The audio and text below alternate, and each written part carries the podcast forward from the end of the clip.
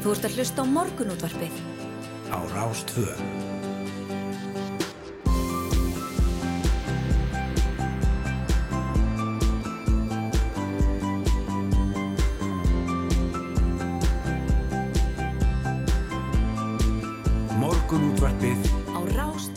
Já, bjóðan góðan dag hér í morgunútvarpinu, Snæru Stór og Yngvar Þór Björnsson með ykkur til klukkan nýju og uh, ég sé ekki betur en það sé fyrstu dagurinn 27. ágúst. Nákvæmlega svona kaldur en afskaflega fallega morgun. Gríðarlega fallur hér í höfuborginni að minnstakosti bjartur og fagur og gæti alveg hlínað eftir því sem að liður myndi Já, ég já, það er alveg líklegt en við eh, komum víða við þætti dagsins Verðbólga er í um 10% og vöruverð hefur hækkað talsverð síðan rússar réðust inn í Úkrænu fyrir 6 mánuðum síðan. Nú krónan tilkynnti í fyrra dag og hún hefðist frist að verða á 240 vörutegundum en framkvæmdastjóri Hagkaupa sagði ger Haga sem á Hagkaupa bónus í þrungri stöðu þar sem félagi verið skilgreynd sem markaðsráðandi og framkvæmdastjóri bónus sagðist ekki til að það ábyrgt að frista vöruverð fyrirtækisins. Ræða við Láru Jóhannsdóttur, prófessor við Háskóla Íslands um neytenda, hegðun og samfélagsábyrð fyrirtækja í dýrtíð sem þessari. Emitt, Sig, Sigur Ingi Jóhansson, innviðar á þeirra, var gestur okkar í dag en við ætlum að ræða fyrirhuga þungaflutninga fyrirtækisins EP Power Minerals um Suðurland en fyrirtækið hyggst að vinna vikur úr hafursæja á Mýrdalsandi og keira með efnið allalegtið þorlóksafnar á 15 mínuna fresti allan sólurringin næstu 100 árin. Forstjóri vegagerðarinnar var hjá okkur í síðustu viku og rætti meðal hans álægið sem þessu myndi fylgja á íslenska vegakerfið en þungaflutninga myndu aukast um 30% á svæðinu og hvað er að gerast á BBC ykkar? Þetta er eitthvað ótrúlega. það er eitthvað ótrúlega, við erum alltaf með kveitt hérna á, breska ríkisjónvarpinu á mótnana uh, og það er, er föstu dagur í þeim, það er ótt að segja það. Þau eru í einhverjum búningum. Þeir í búningum við ættum að, að taka þau til fyrirmyndar held ég, snæra og svo og mæta hérna snemma til að geta Byrju þetta einhverjum galla. ísakibúningur? Þetta er alveg fyrirlegt. Ég ætla að halda áfram. Þetta er, þetta er, þetta er mjög fyrirlegt. Forstjóri vegagerðina var sannst hjá okkur í síðustu viku hann, og hún rætti meðal hans álæðið sem að þessum þungaflutningum um uh, Suðurlandi myndu fylgja á íslenska vegakerfið en þeir myndu aukast um 30% á svæðinu og áallega er að hver vörubíl af þessari stærðagráðu spæni upp malbygg eins og 10.000 smábílar ótrúlega tala. er bara ótrúlega tala. Þessar áallanir hafa mætt mikil mótstöðu í kjördæmi Sigurðuringa og það er því full ástæða til að heyra hvað hann hefur að segja um málið. Emmett. Nú, um, já, eins og venjir á föstutum þá ætla að renna við fréttir vikunum með góðu fólki. Að Þorsteinn Pálsson fyrirverandi fórsættisráð þegar hún Sigriður Ingibjörg Ingadóttir, hagfræðingur og fyrirverandi þingmaður sem ætla að ræða viðbyrjar mikla uh, viku getur við sagt í, í stjórnmálum og, almennt í mikið í gangi efnarsmálunum og, og síðan þetta mál á blöndósjó og margt fleira sem hættir að ræða. Jú, virkilega, virkilega mikið að frétta. Björn Steinbeck, dránatökumadur og tónleikahaldari skrifaði grein á vísi í gær þar sem hann fór yfir atbyrður á sem átti sér stað eftir að hann var þjófkendur í hlaðvarpstætti sem fjallar um knattspyrnu á dögunum. Það eru rúm sex ár síðan Björn komst í fréttunar vegna miðasölumálsins á EM Karla í knattspyrnu, mál sem Björn segist sjálfur hafa brugðist en það líði vata sá dagur að hann sé ekki myndur á málið sem hann segir að muni marka lífans það sem eftir er Mm. og Björn verður gestur okkar hér í lok þáttar. Emmett. En bændablaði fjallaði það í gæra skæður dýrbítur hafi drefið að minnst að kosti fjögur lömp í keldukverfi í sumar. En að sögn heimamanna hefur talsvert sérst af tófu við byggð, greinilega í ætis leit og hist hefur á fleiri dýrbítum víðar um land undanfarna daga. Og við ætlum að, að hefja þáttin hérna á eftir og ræða við Ólaf Jónsson búnda á fjöllum í keldukverfi. Já, svo er það þjóðleikúsi sem verðum þessa myndir að kynna nýtt leikár sem fer að hefjast hvaðar hverju og við ætlum að fá stjóran sjálfan, þjóðleikússtjóran Magnús Geir Þorðarsson til að segja eitthvað frá hábúndum ársins sem er framöndan er. Emmett. Það er gaman að leikúsi. Það er gaman í leikvásunum, eh, eigum við aðeins að líta á, á fórsíðu blaðana hérna. Já, það var mynd sem að mér brá svolítið brún þegar ég sá þessa mynd uh, á forsiðu fréttablaðsins af því að uh, hér sjást uh, hér sést forseti Litáen Gitana Snáseta og Diana Nósi Dieni sem er eiginkona hans uh, ásand Guðna TH og Elsu Rít á, á, á tröppum bestastaða Guðni er hérna að benda eitthvað út í bláin ég veit ekki alveg á hvað en mér síndist þetta að vera Ólafur F. Magnússon þar að segja forseti Litáen í svona þegar leit fyrst. Emmett. það var þess að sem ég hugsa, ha, býttu Einhver svipur með þeim. ég sko, ég leit bara eins og ég var að horfa á hérna, gamla forsið eiginlega. Já, skilur, mér leið svona eins og ég var einhvern veginn komin aftur hérna í, í það kjörtímabil. Einmitt, einmitt. Nú, fórsíðan morgunblassins er, er sumulegis áhugaverði, ég veit ekki hvort að, já sko, það, það er mynd hér á fórsíðan morgunblassins af, uh, af fjölskyldu sem er í, í tífólíinu í Hafnarfyrði, er í einhvers konar tæki sem, sem ringsnýrði og, og því myndin eiginlega á hlið uh, sem, sem orsaka það einhvern veginn að Já. fórsíðan morgunblassins lítur allt öðru út en vanalega. Eh, alveg rétt að mæla með því að, að fólk skoða þessa fórsvíðu mynd. En hér á, á fórsvíðinu er eh, rætt um, um margt og mikið. Starfsmenn Ísafjörðabæjar hafa með aðstóð verktaka og, og ráðgjafa unnað því sumar að finna vassleika í vassveitinu á Suðureyri það búið að einangra vandamáli segir hér við eina og hálfa götu og fyrir dyrum stendur að þrengja leitasvæðið enn frekar til þess að ég ekki þurfa að grafa upp heila götu til að finna leikan Þetta er eins og að leita í myrkri, segir Kristján Andri Guðmundsson, fórstöðumar þjónustustöðvar Ísafjörðabæjar og íbúar hafa fundið nokkuð fyrir vaskorti í sumar ef vonst til að búið sér að komast fyrir vandan út eftir sé að gera við, segir hér í morgunblæðinu. mm. Hér er uh, á forsýðu fréttablaðsins er aðeins talað um fastegna markaðin en litlar fjölbýlisegnir á höfuborgarsvæðinu hafa hækkað um 27% á einu ári. Og þrátt fyrir að merki síðan viðsnúningi verði stærri egni þá halda þessar minnstu áfram að hækka. Þetta eru fyrstu kaupendur sem eru vantanlega að fara inn í minnstu egninar svona alla jafna. Já, en uh, já, þetta er sérst íbúður undir 80 fermetrum á höfuborgarsvæðinu sem halda fram að hækka í verði. og í júli mældist meðal fermetraverði í þessum stæðaflokki næri 826.000 krónur með við 819.000 krónur í júni þannig að það er 7.000 krónar hækkun á, á mánuði. Já, já, það er spurning. Það er spurning hversu mikið það er að marka í raun og veru þegar að, að það hafa bara aldrei verið færri köpsefningar síðan hvað 2015 eða eitthvað. Einmitt. Það er alls konar sem það er að taka inn í myndina. já, Nú við rættum tölvört um, um flugvöllin hérna í uh, þættinum í gær Já. en uh, hér á annari síðan morgunblasins er rætt við Mörtu Guðjónsdóttur borgarfulltur var sjálfstæðarsflokksins sem ætlar að fara fram á að já, umræður um Reykjavík og flugvöll fari fram á fyrsta borgarstjórnafundi eftir sumarfrí mm. en fundurinn verður haldinn í byrjun september og tilöfni er einmitt að almenna mat jarðvísindamanna að nú sé hafi nýtt elds umbróta skeið á Reykjanesi eh, og eh, já, Marta segir hérna að Reykjavík og flugvöllur sé miðstöð innanlandsflugs mikilvægur fyrir sjúkraflug og eini varaflugvöllur millilandaflugs á suðvesturhorni landsins en eh, vegna tíðra eldgóssam að undarförnu veru hlutverkans nú mun mikilvægara en það hefur lengi verið engum af öryggis ástæðum Oft hefur verið þörf á skinsamleiri umræðum mikilvægi Reykjavík og flugvallar en nú er umræðan hins var nöðsynleg, segir hún. Um, og aðspur segir Marta Ljósta Reykjavík og flugvallar fari hvergi á næsta árum. Mm. Það verður vantilega aðeins tekist á um þetta í borgarstjórn núna í næsta mánuði.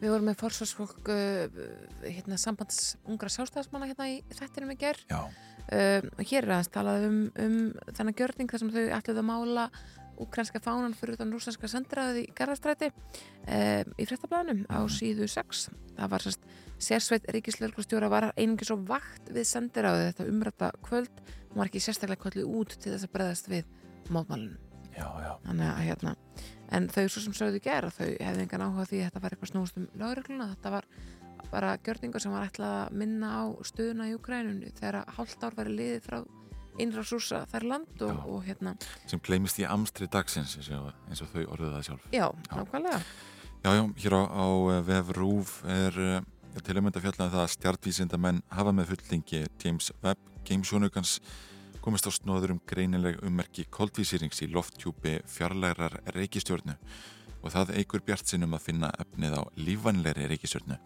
Eh, vísindamenn telja þó útilokað að fjarreikistjarnan VASP 39 geti vist að líf endur hún gasrisi. Það er Markus Þólusson sem skrifaði þetta hér á, á VF Rúf. En við þurfum að fara að skipta yfir á fréttastofuna. Við ætlum síðan að fara vel yfir veður og færð hér að loknum fréttum og ræða síðan um dýrbítin í keldukverfi. við mitt, svo spilum við góða músík í dag og þetta verður bara allt með letasta móti held ég Þú ert að hlusta á morgunútvarpið. á Rástvö.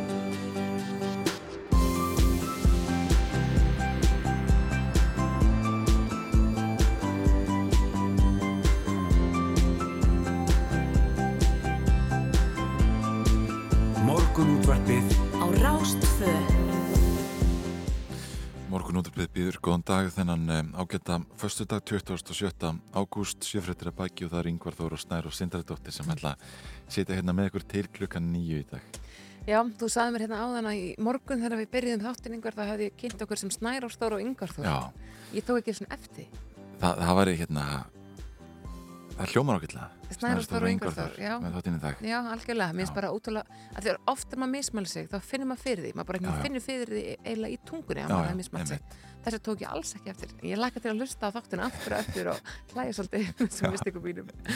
Herðið, við ætlum að ræða margt og mikið í þætti dagsins, við ætlum að ræða já, dýrbít sem hefur dreipað með svo kosti fjögur lömp í keldukverfi við ætlum að ræða leik árið framundan í þjóðleikúsinu við Sigur Inga Jóhansson innviðar á þeirra um um fyrirhugaða þungaflutninga uh, á Vikri frá. Myrdalsandi, Suðurlandi. Suðurlandinu uh, fyrir við frétti vikunar Jú, þú komið til ykkur Þorstein Pálsson, fyrirverandi fórsættisraður og Sigður Ingibjörg Ingadóttir Hagfræðingur og fyrirverandi þingmaður til þess að renna yfir þær.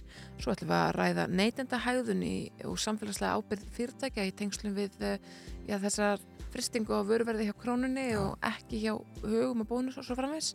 Og að lokum þá kemur Björn Steinbeck til okkar því að, já, til að ræða uh, svona mál sem að hefur leiðið hans að þungta honum undarfærin sex ár. Já, akkurat En uh, já, eins og Andri Irkild fór nú, fór nú nokkuð velið veðri hérna í, í sjöfröttum en það er rétt að skoða aðeins hérna við viðstofunar Í hullegangu viðfræðing segir að lægð gerdagsins sé ennstödd úti fyrir austurströndinni og við heldur all hvastri norðvestanátt á austanveru landinu. Nú þessi vindur getur verið varasamur fyrir aukutæki sem eru viðkvæm fyrir vindi og einnig rignir enn á norður og austurlandi og það er svalt í veðri þar en setnipartin í dag dregur úr vindi og rigningu á þessum slóðum. Á sunnan og vestanveru landinu er annað upp á teiningnum Það er útlitt fyrir norðan gólu eða kalda og sólríkt veður í dag og hitti alltaf 17 stig það sem best lætur. En eins og framkom aðan þá er gul veður viðvörun í gildi núna ja, til klukkan 10 það sem búist maður við talsveri rigningu e, já, bæði á, á Norðurlandi og Norðausturlandi. Einmitt, bara um að gera ringja og segist koma, koma í vinnunum með setjinskipinu. Já, nákvæmlega. Ég held það.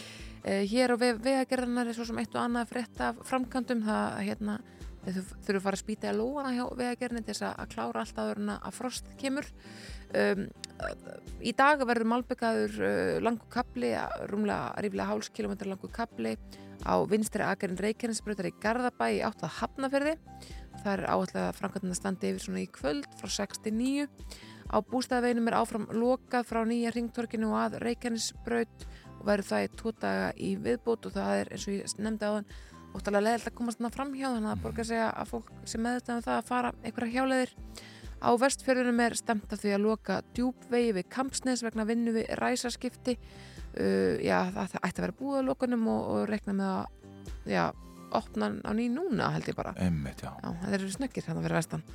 Á Austurlandi ve- er vegna vinnu við borgarferðarveg uh, vegurinn grófur, þá maður búist miklu steinkasti og hefur svo svona verið undarfarið. Og á Suðurlandi þá er handriðið á Ölfusvassárbrunni og Grafningsvegi Efri. Það er ennþá skemmt og vegfærandur eru beðinir um að fara varlega. Hvert skipti sem ég les þessa lýsingu einhver þá bara sé ég fyrir mér svona hryllingsmyndar sem fólk keirir fram, fram að þessu handriði. Mm En ég vona að fólk svona, svona hitti svolítið vel á brúna. Já, já, og að fólk sé að hlusta eða allavega heimsækja við, að gera þarinn. Já, bara auðvitað keiri varlega alltaf en svona, já. Já, já, einmitt. En við ætlum að- heimsækja tíunda áratugin á Írlandi hérna í tónlistinu núna.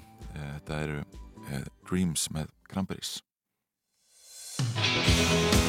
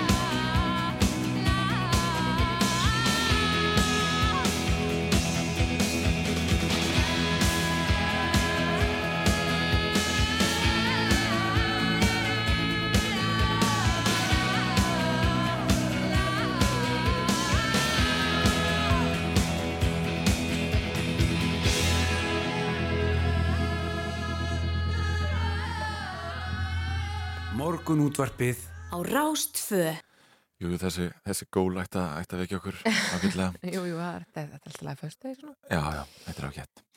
Eh, við erum hérna að rýna í VF miðlana og, og það er nú eitt og annað sem hægt er að, að nefna hér eh, við svona já, rættum til að mynda aðeins hérna áðunum um James Webb sjónurkan sem eh, já, Sæfri Helgi Bragason hefur nú nokkuð sem rætt hérna hjá okkur og eh, fjárreikisturinn að VASP 39 þar sem já, var verið að finna greinlegu ummerki koltvísýrings í loftjúpunum. Mm -hmm. Þetta er þó gasreysi eins og við nefndum hérna áðan e, á fjögura jarðardaga sporbögg og því mjög nærri stjórn í e, 700 ljós ára fjallægð Mm -hmm.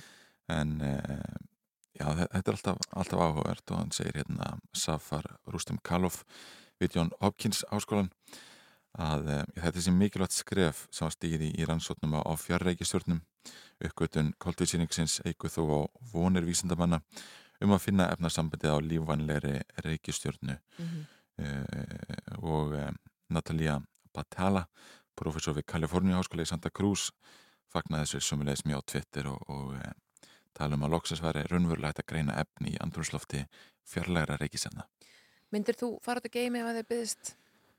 Ég, sko, það er góð spurning. Mhm. ég held að hérna, þetta hljóti nú sjáum við alla þessa auðmenn fara út í Nákvæmlega. geim. Ef þetta verður hérna á, færi almennings að fara eftir, eftir einhver 40 ár þá, jú, það ekki? Eða, en maður fer samt svo stutt upp í ég, geim. ég maður fer alltaf bara hana alveg við, við loftjúpin svona valla að taki þetta svona, nei, þetta er svona stoppa flugulum í París og segist að það var sér Eiffelturnin nákvæmlega, nákvæmlega. Veit, þetta er svona smá þannig. Er það ekki? þetta er þannig, Hva, hvað myndir þú gera? Mér mér þetta pínu, ég pínu við þetta. Já, sko, ég er mjög spennt eða, sko, ég væri mjög til í að, að upplifa þingdaleysið mér finnst mjög spennandi eitthvað svona vindatuskur í gemnum og eitthvað svo leiðis en, en hérna, ég veit ekki alveg mér finnst þetta samt mér finnst svona líður eins og það sé pílita hættulegur faramátti sem sé ekki alveg þessi virði að reyna.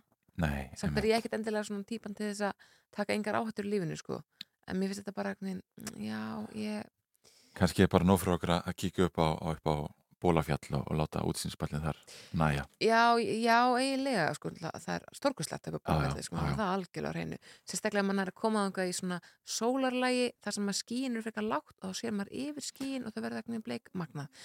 En hérna en auðvitað væri magnað að fara í geim en að ég veit ekki, mér finnst þetta, þetta svolítið mikið vesen fyrir ekki lí að ég veit ekki, mér finnst pínlega hrælt að segja þetta en mér finnst þetta bara eitthvað bara pínu okkvæðanlegt sko. Já, já, einmitt Herðu, við ætlum að fá, fá næsta lag þetta er Big Sur og The Thrills og síðan ætlum við að ringja aðeins eh, já, í keldukörfið og, og ræða eh, skæðan dyrbít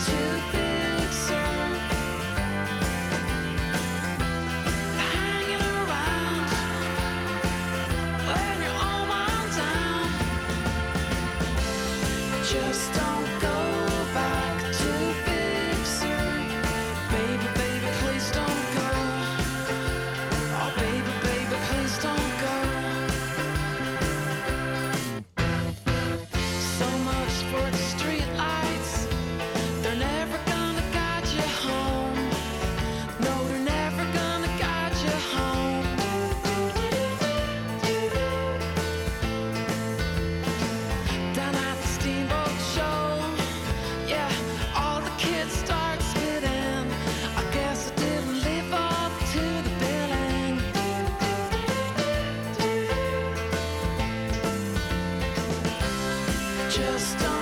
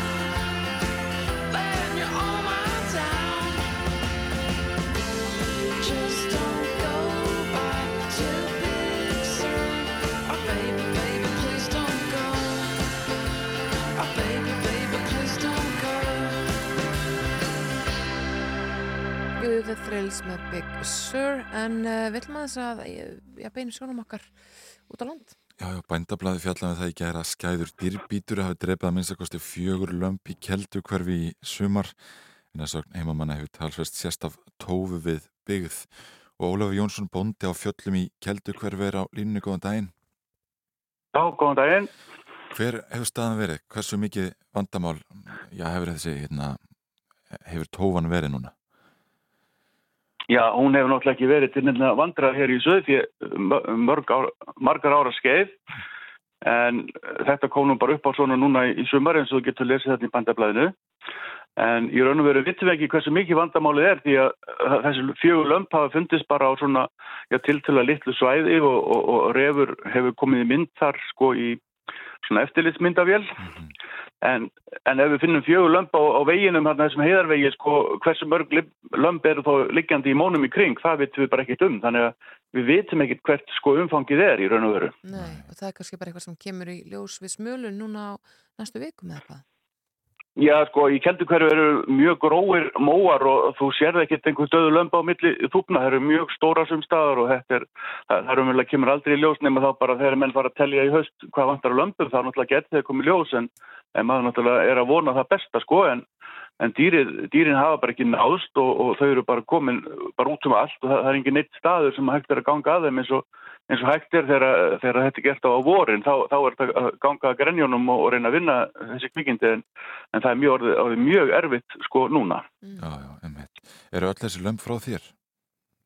Nei, þau eru bara hérna frá mér og, og nágrannum mínum og, mm. og eitt er að eitt er að, var náttúrulega ekki að sjá hvaðan eitt er að væri sko en En, en það er alltaf ekki þetta að vita eins og segja hversu viðtækt þetta er sko, það, það er bara ómullt að vita það og, og sumar tóur, það er, er um þannig að það býta bara, kannski bara eitt lamp á, á, eða kind á, á nóttu og, og aðrar svona taka svona einu og eina þannig að, við vitum ekki, ekki raun og veru en eins og segja þessi dýr hafa bara ekki náðst, við reynum að eldast hérna út um alla móa með flautur og, og það er gagga á mótimanni sko en kom ekki og þannig eru einmitt dýrbítar, þeir eru mjög svona varkárar umsifur eitthvað en aðra tóur. Já, já.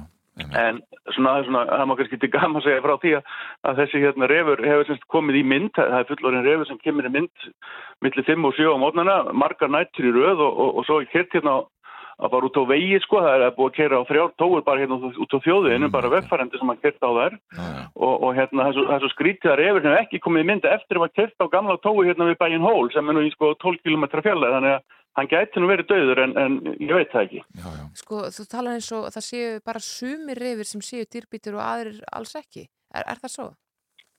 Já þetta, sko, þetta er óskum vennilega tóur en það er, það, kannski, það er kannski hitt að eitt lamp sem er alveg, alveg döð á komið eða, eða lítið vorlamp eða undanvilling og, og þær fara svona aðtast í því og það enda með því að er fatta það að það geta haft betur og, og býta í snoppur og hanga það þanga til að yfir líkur því að lampinu fer að blæða og það blæðir inn í lungun og, og lampinu lægst niður og, og það enda með því að tóun bara býtur og býtur og þá er hún búin að fatta það að þetta er hægt og þá prófur hún næsta og svo þegar það virkar þá bara heldur hún áfram og það enda með því að suma tóur ger ekkert annað en að býta sögkindur og það bara stæstu kindur og, og drepa þær og sjúa blóðið og skilja þessu kindin eftir jável sko lifandi, hún getur verið bara lifandi í einhverju vikur og eftir og, og getum ekki bytti því að, því að það er sko reynsa framann á snoppinni sko. Og, og þetta er nú ástæðan fyrir því þetta er nú ástæðan fyrir því að við bendur sko viljum halda áfram að drepa reyði vel því miður þá er ekki allir í okkar þjóðfélagi sem eru sammála því og, og við erum líka alveg sammála um það að, að tóur eru fallið og skemmtileg dýr, mikil ósköp en þetta er bara eitt af því sem að þær geta tekið upp á og þetta er alveg skelvilega myndir eins og þið sjáuð. Já, þetta eru skelvilega lýsingar. En, en mæti, mæti því sérst mikillega anstöðu þegar þið viljið breyðast almennilega við þessu? Eh, nei, nei, við mætum ekki anstöðu og, og sem betur fyrir eru hérna sveitafjölegun og hérna ofinbæra aðeins að borga fyrir þetta ennþá en tímakaupið ennú sko verulega lágt en, en þó getur sagt að fyrst að spyrja þessu að það eru því miður sumir og, og svona sumabústaðareigundur fleiri hér, sumir, alls ekki allir að þeir vilja ekki sjá að menn, menn séu nýtt að í kringum þá á reyðaveiðum og þau vilja bara hafa reyðin í kringu þeir eru fallegir og sættir segja þeir og, og þeir eru það sko en, en þeir eru náttúrulega alveg reyðir, eru svakalegir þeir eru að taka upp á þessu og, og aukinn heldur sko að þeir taka alveg rosalega mikið úr fugglalífinu og það er það sem að grenjaskittur sjá á hverju vori og fari nú yfir all land með þetta. En vandamálið það að, að þessi reynsla eða já, það sem að grenja menn sjá reyfin að koma með heim og greini alltaf, það er bara í hausin, hausnum á þeim og þeir koma því ekki mikið á framfæri, þú veist, hvernig þetta er. Ah. Og, og, og svona framhaldið þessum að segja, sko, líka tökum mjögsettin sem dæmi. Það er búið að drepa núna held ég, sko, 111 refi samtals í mjögsettinni, bara einn maður. Bara sem er nú svona, já, bara í vor, frá ah. 14. júni, sko. Ah. Já, skiljiði. Þannig ef við hættum þessu þá er þetta rosalega fljótt að fara upp og, og því miður eru á í, hérna, í glerhúsum höfuborgarinu eru uppi hugmyndur um að breyta fórsendum, refa veiða, bla bla bla bla. Þið getur lesið það bara í frettablaðinu frá því haust og, og, og eitthvað og fara að breyta fyrirkomuleginu eitthvað með tillitið gjáðundar. Og sko ég geta alveg sagt ykkur það, ef ekki væri vettir einhverju hundra refir, hundra minkar líka, á síðast ári held ég að veri veittir hundra minkar í, í mjósett, að það veri ekki svona blómlegt fugglalíf í mývarsett ef, ef þetta verður ekki gert. Nei, nei, einmitt. Það er hérna aðeins fjallaðum það í bændablaðinu mitt að það er náttúrulega þjóðgarður hérna skamt frá ykkur uh, og það er bannað að skjóta reyfi. Já, og svo er það nú einskemtileitin. Okkur var nú, okkur var nú lofa því þegar var verið að hérna, stopna þjóðgarði hérna í Jökulsangljúrum að við mættum skjóta áfram reyfin. En svo bara kemur okkar ágæta alþingi og, og setja ný lög sem heita Villíkdýra lög frá uh, 1994 minnumi og sem segir bara, já það er bara alla veiðar í þjóðgörnum bannar, hundur. Og þá þarf ekki að ræða, að ræða það sko. Nei. Þannig að, að þær tói sem alveg tar upp að það er semst fá frið og, og svo erum við eldast við þetta og vetturna og allavega og En, en það er náttúrulega miklu erfiðar að eiga því að grenjavinslan er náttúrulega það sem að skila langt mestu því að þú hefur einhvern sko punkt til að vinna út frá sko. Þú veist að lýsa því áðan að þið væru með svona flautur að reyna einhvern veginn að narra tóðuna til ykkar og þær gagga mótið en koma ekki. Sko er hægt að nota einhver önnur hljóðmerki til þess að halda, halda þeim frá okkurum svæðum ef þið eru með, sko, með sögfjöði heimfjöllum eða eitthvað slíkt en ekki búið afriðt? Já, það er, sko, söðfjörn er mjög víð að þú getur ekkert ekki tóðnar eitthvað til og frá, sko, það er, það er, það er bara ekki, Ómögulegt. það er ekkert um að ræða, sko, og hérna, en, en margar tóður koma hlaupandi á, á flötu, sko, og kvolparnir núna sem eru, sko, orðin svolítið sjálfstæðir, eru byrjað að veiða sjálfur, að þeir svona, eh, þú veist, eh, þeir geta svarað flötu og koma oft bara alveg gjössalega, bara hlaupandi alveg bara aðmanni, þó maður sé í bílum, sko, það, það kemur alveg fyrir, sko. Já, já, einmitt. Við þurfum bara alveg að... Ekki, ekki, ekki, Já. Þurfum, ég segi við þurfum brála að fara að hvaðja, Ólafur, en, en já, hvað tekur við hjá þér núna? Hva, hva, hver eru helstu verkefni? Já, maður, það, við erum að reyna hérna, bendinir hérna að halda áfram og það er náttúrulega búið að leita á öllum grennjum og hólum hérna og það er ekki það sko, en, en kannski vestægið þessu er það sko að nú er kannski fullum tóðan búin að kenna yllengunum sko hvað að gera og það er svolítið hægt á því að þeir lifa allir til næsta, næstu ára að þeir fara að býta sögfi líka þannig að þetta getur sko stórvandamál en við erum svona vonaða besta. Emitt, Ólaug Jónsson Bondi á fjöllum í, í Kjeldugörfi, takk fyrir að vakna með okkur í morgun út af byrju. Já, herru, takk sem leiðis bara, bless.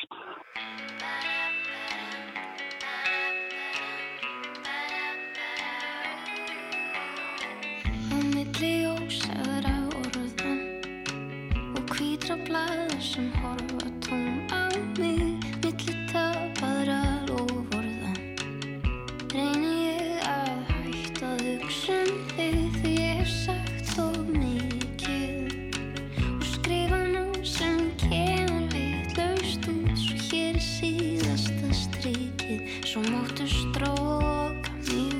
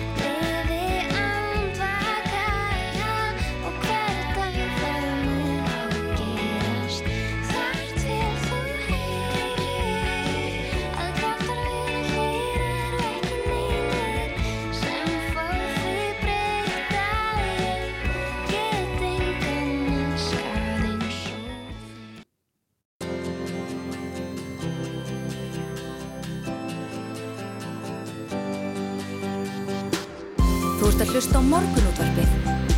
Á Rástvö. Jú, við ætlum að vera með ykkur til hlukan nýjum Snæður og Sendardóttir og Yngvar Þór Björnsson eins og alla virka daga og við erum komið góðan gest því að hann er sestur hjá okkur Magnús Geir Þór, Þórðarsson þjóðleikús stjóri sem að var að kynna nýtt leikári gær, verðstu hjertana velkomin Magnús. Takk fyrir kjallega. Glæsilegt leikár framöndan eins og svo sem alltaf uh, hvað, hvað er svona, fyrir hver ert þú spenntastur? Máttu að segja það? Það er náttúrulega erfitt að gera upp á milli barnana sína sko, en, en ég get hins vegar sagt það í, í algjörði hreinskilni að ég er gríðarlega spenntu fyrir leikárinu, það er ótrúlega gaman að vera að fara að stað, við erum auðvitað að koma út úr uh, mjög skrýtnum tímum eftir, Mhm. eftir heimsfaraldur og, og erum núna loksins að fá að galopna leikúsi á nokkura takmarkana. Og leikári berðas merki, við erum uh, klár, höfum nýtt tíma vel til að undirbúa og erum með uh, glæsilega síningar sem býða vel undirbúnar og klárar og við erum full, full tillökkuna bara að fá að mæta áriðum og, og við fundum það mjög stert núna í vor þegar við byrjuðum að opna, það gerðist nú svona í skrefum eins og allt í samfélaginu. Hvað það var mikið þakklæti hjá áhöröndum og, og mikil þörf fyrir bara að fá að koma saman og sitja í salnum og, og upplifa og njóta. Þannig að, að við erum svakalega spennt bara fyrir vetrinum uh, og ég meina það sem að eh, er kannski næst okkur í tíma er eitt af, einn af hábúndum uh, leikásins sem er loksins frumsýning á uh, glænýjum stórum söngleik sem beðið hefur eftir sem heitir Sem á himni sem hún unnur ösp Stefán Stóttir er að leikstýra og Mhm. þetta er stór sýning með 13 manna hljómsveit í grifju og dásamlegri tónlist Mhm. Og þetta er, er söngleiku sem er svona saminandi, þetta er um samfélag, uh, gæti gerst í nánátt hvaða uh, bæ á Íslandi, út á landi og þarna fylgjumst við með örlögum fól sem að er að klíma við alls konar en okkur þykir vandum og, og það er uh, bullandi húmor í þessu en, en átök líka og þannig að þetta er svona ekta ekta góður söngleiku til að fara saman og njóta og, Svona og, perióttur söngleikur er það ekki? E, nei, þetta gerist nú í dag en þetta, Ah. þetta, er, þetta er eins og var svona frekar síkildu söngleikur í forminu Mhm. Þú veist, það er hljómsveit í grifju þannig svolítið langt síðan að bóði hefur verið upp á það í, í hérna, Já, já. stóru leikusónum e, þetta minnir minnir mig svolítið á Billy Elliot og tónlisti minnir svolítið á Vesalingana og e, tilfinningin minnir svolítið á Þrek og Tár og veist, þannig að þetta er, þetta er mannlegt, fallegt, uppbyggilegt, skemmtilegt og átakalegt. Einmitt, Mhm. einmitt. Þannig að þetta, þetta, þetta er mjög, það er mikil eftirvænting í leikusinu eftir þessu og við finnum að gestir eru mjög spenntir og það er, það er farið að seljast af að vel á þetta þannig að maður finnur að, að, að fólk er til í þetta. já, já. Þegar maður rennir hérna yfir síningarnar þá það er mjög fjölbreytta náttúrulega eins og, eins og alltaf en er hérna er að þínum að einhver, einhver svona rauður þráður þegar þið erum stefn og ströyma í leikúsinu í ár. Já, ég myndi segja að, að eh, við, við, kappgástum að leikhúsi sér saminandi. Við eh, höfum hugsað mikið um það hva, hva, hvað einangrum gerur okkur og hvað við þurfum til að, að lifa af og, og eitt af því er að vera með öðru fólki og upplifa og, og þannig að við erum með síningar sem eru saminandi það er kannski önnur línan hjá okkur og hinn er að við erum að, ekkert að veigra okkur við að taka á eldfimum málum sem að hafa verið mikið umræðuna á síðustu árum og uh, við til dæmis erum með síninguna góðan daginfækki sem að, að sló í gegni fyrra og var síndi við 40 sinnum fyrir fullu húsi. Það er er æðislega síning og, og, og hún heldur áfram. Hún uh, bæði hjá okkur í Reykjavík en það sem meira er að hún er að fara á uh, svakarlega ringferður landi þar sem við förum í efstu bekki grunnskóla og framhalskóla og sínum hefðbunna kvöldsýningar. Og síðan tilkynntum við nú í fyrra dagum stórviðburð í íslensku leikhúslífi þegar að við e, frumsýnum, heimsfrumsýnum þríleik eftir Marius von Mayenburg sem að hefur nú verið eitt merkasta eh, leikskáld samtímans.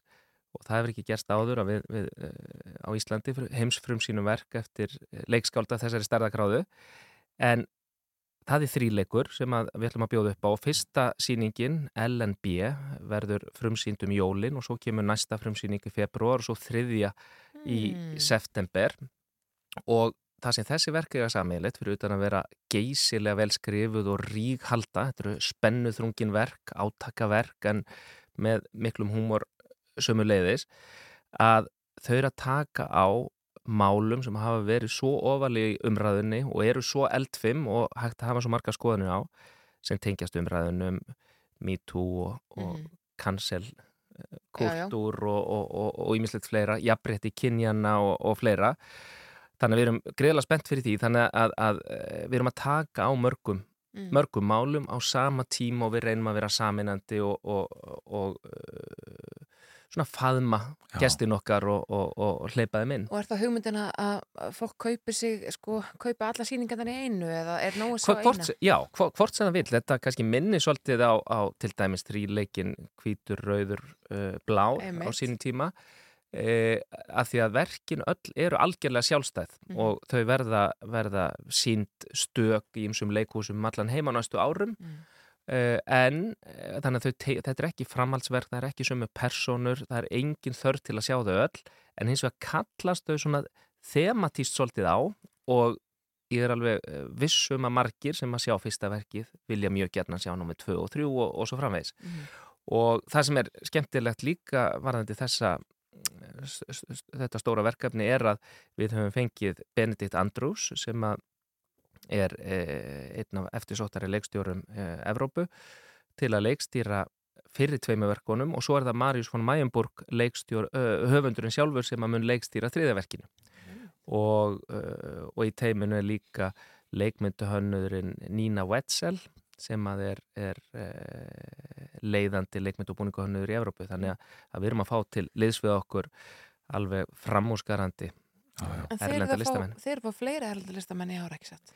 Jú, við höfum verið að, að leggja aukna áherslu á að, að, að, að laða til okkar uh, æðislega erlenda listamenn sem að fremsti standa og, og uh, hún, Jæl Farbelegstyrði framáskarandi vinkona eins og fólk þekkir og svo tilkynntu við í vor við að mikið samstarf við Complicity með Simon McBurney leikstjóra í, í Farabráti sem að er algjörlega stórkostlega leikkópur þau koma með síningu sem við vinnum með þeim uh, þau komið með hann á, á næsta ári og það byggir á, á, á skaldsugunni dragplók þinni við bein hinn að döðu sem að, að margir þekkja Mm. en svo er gaman að segja frá því hér í fyrsta skipti að uh, Pussy Riot hópurinn mun byrtast á sviði þjóðleikúsins í november Þetta er uh, auðvitað mjög merkjulur hópur sem við þekkjum öll og höfum fylgst með í fjölmiðlum á síðustu árum. Þetta er uh, hljómsveit og gjörningalistahópur Politist Afl sem að, að kom hingað í vor og vann í þjóðleikúsinu að undirbúningi síninga sem þau hafa verið að ferðast með um Evrópu í sumar og, og fengið afskaplega góða viðtökur, frábæra dóma og þau verða í þjóðleikúsinu hjá okkur í, í november þannig að það er ímislegt e, í píbónum í, í svona erlendu samstarfi Já. Hvers konar sýning er þetta hjá þeim?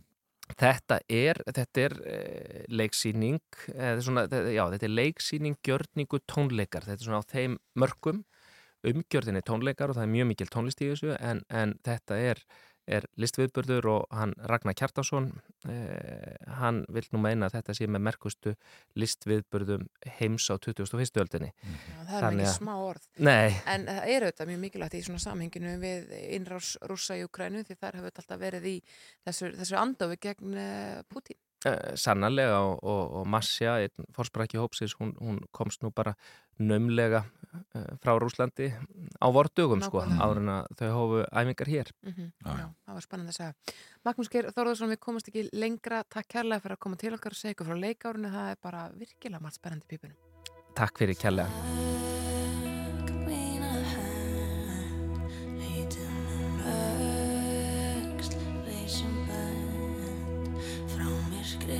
marströð sem draugar vaku elda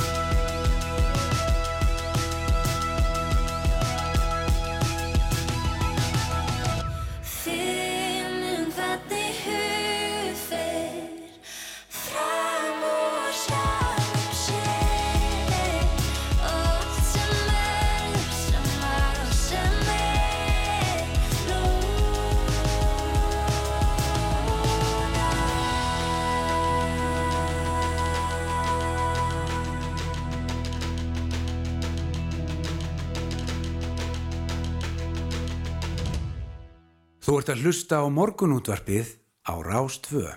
Jú, jú, mikið rétt. Morgunúndarbyggði heldur hér áfram yngvar þóru snæru sindradóttir með ykkur til klukkan nýju og nú ætlum við að ræða fyrirhugaða þungaflutninga fyrirtækisins EP Power Minerals um Suðurland. En fyrirtækið hyggst vinna vikur úr hafusægi á Mýrtalsandi og keira með efnið allarleið til Þorláksafnar á 15 mínútna fresti allan sólarhingin næstu 100 árin. Nú fórstjóru vegagerðarinnar var hjá okkur í, í síðustu viku og rætti meðal annars álæði sem þessi myndi fylgja á íslenska vegakerfið en þungaflutningar myndi aukast um 30% á svæðinu og áallega hver vörubíl af þessari stærðargráðu já, spæn upp Malbygg eins og 10.000 smábílar saði fórstjóri vegagerðarinnar. Mm, Þannig komin eitthvað til okkar Sigur Ringi Jóhansson innviðar á þeirra til að ræða þetta mál, verður velkomin. Já, takk.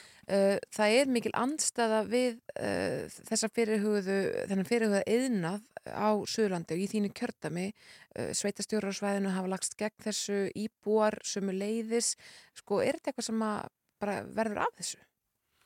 Já, nú er þetta bara í þessu ferli og umhverfismat skíslan er núna til umsagnar og þessum erum til umfjöldunar auðvitað og, og síðan með skiblastofnun uh, skila sér aukstuð áliti og, og sem hérna ráð þeirra hennar verið svona kannski aðeins að passa hvað ég segi já, já. en uh, það er alveg rétt, þetta eru greiðarlega miklir flutningar og uh, sérstaklega sagt, fyrir austan þegar það fyrir gegnum Þorpið, Vík, Hellu og Kólsvöld að þá er sérstaklega semst fyrir austan eins og markafljóta sem við erum enn mjór og ekki undir, undir svona, undir svona flutningabyggður að þá er þetta ansi, ansi íþingjandi held ég að verði það mm. með að segja. Já, eða... svo þegar þetta kemur vestar þá verður þetta hlut hætti lægra. Eh, við þekkjum auðvitað að það er mjög mikið af ferðamannarútum. Ég veit ekki hversu marga mínutur er á milli þeirra ef við færum að rekna það. Nei, nei eða aðrir flutningar þannig að þurfum við að setja alla hluti í, í samhengi. En svo kannski þurfum við líka bara aðeins átt okkur á því hvað er, hvað er eiginlega verið að gera. Um, þarna er verið að taka kollu vikur, já í alltaf hundrað ár hafa menn áform upp um til þess að, að flytja og blanda í, í sement.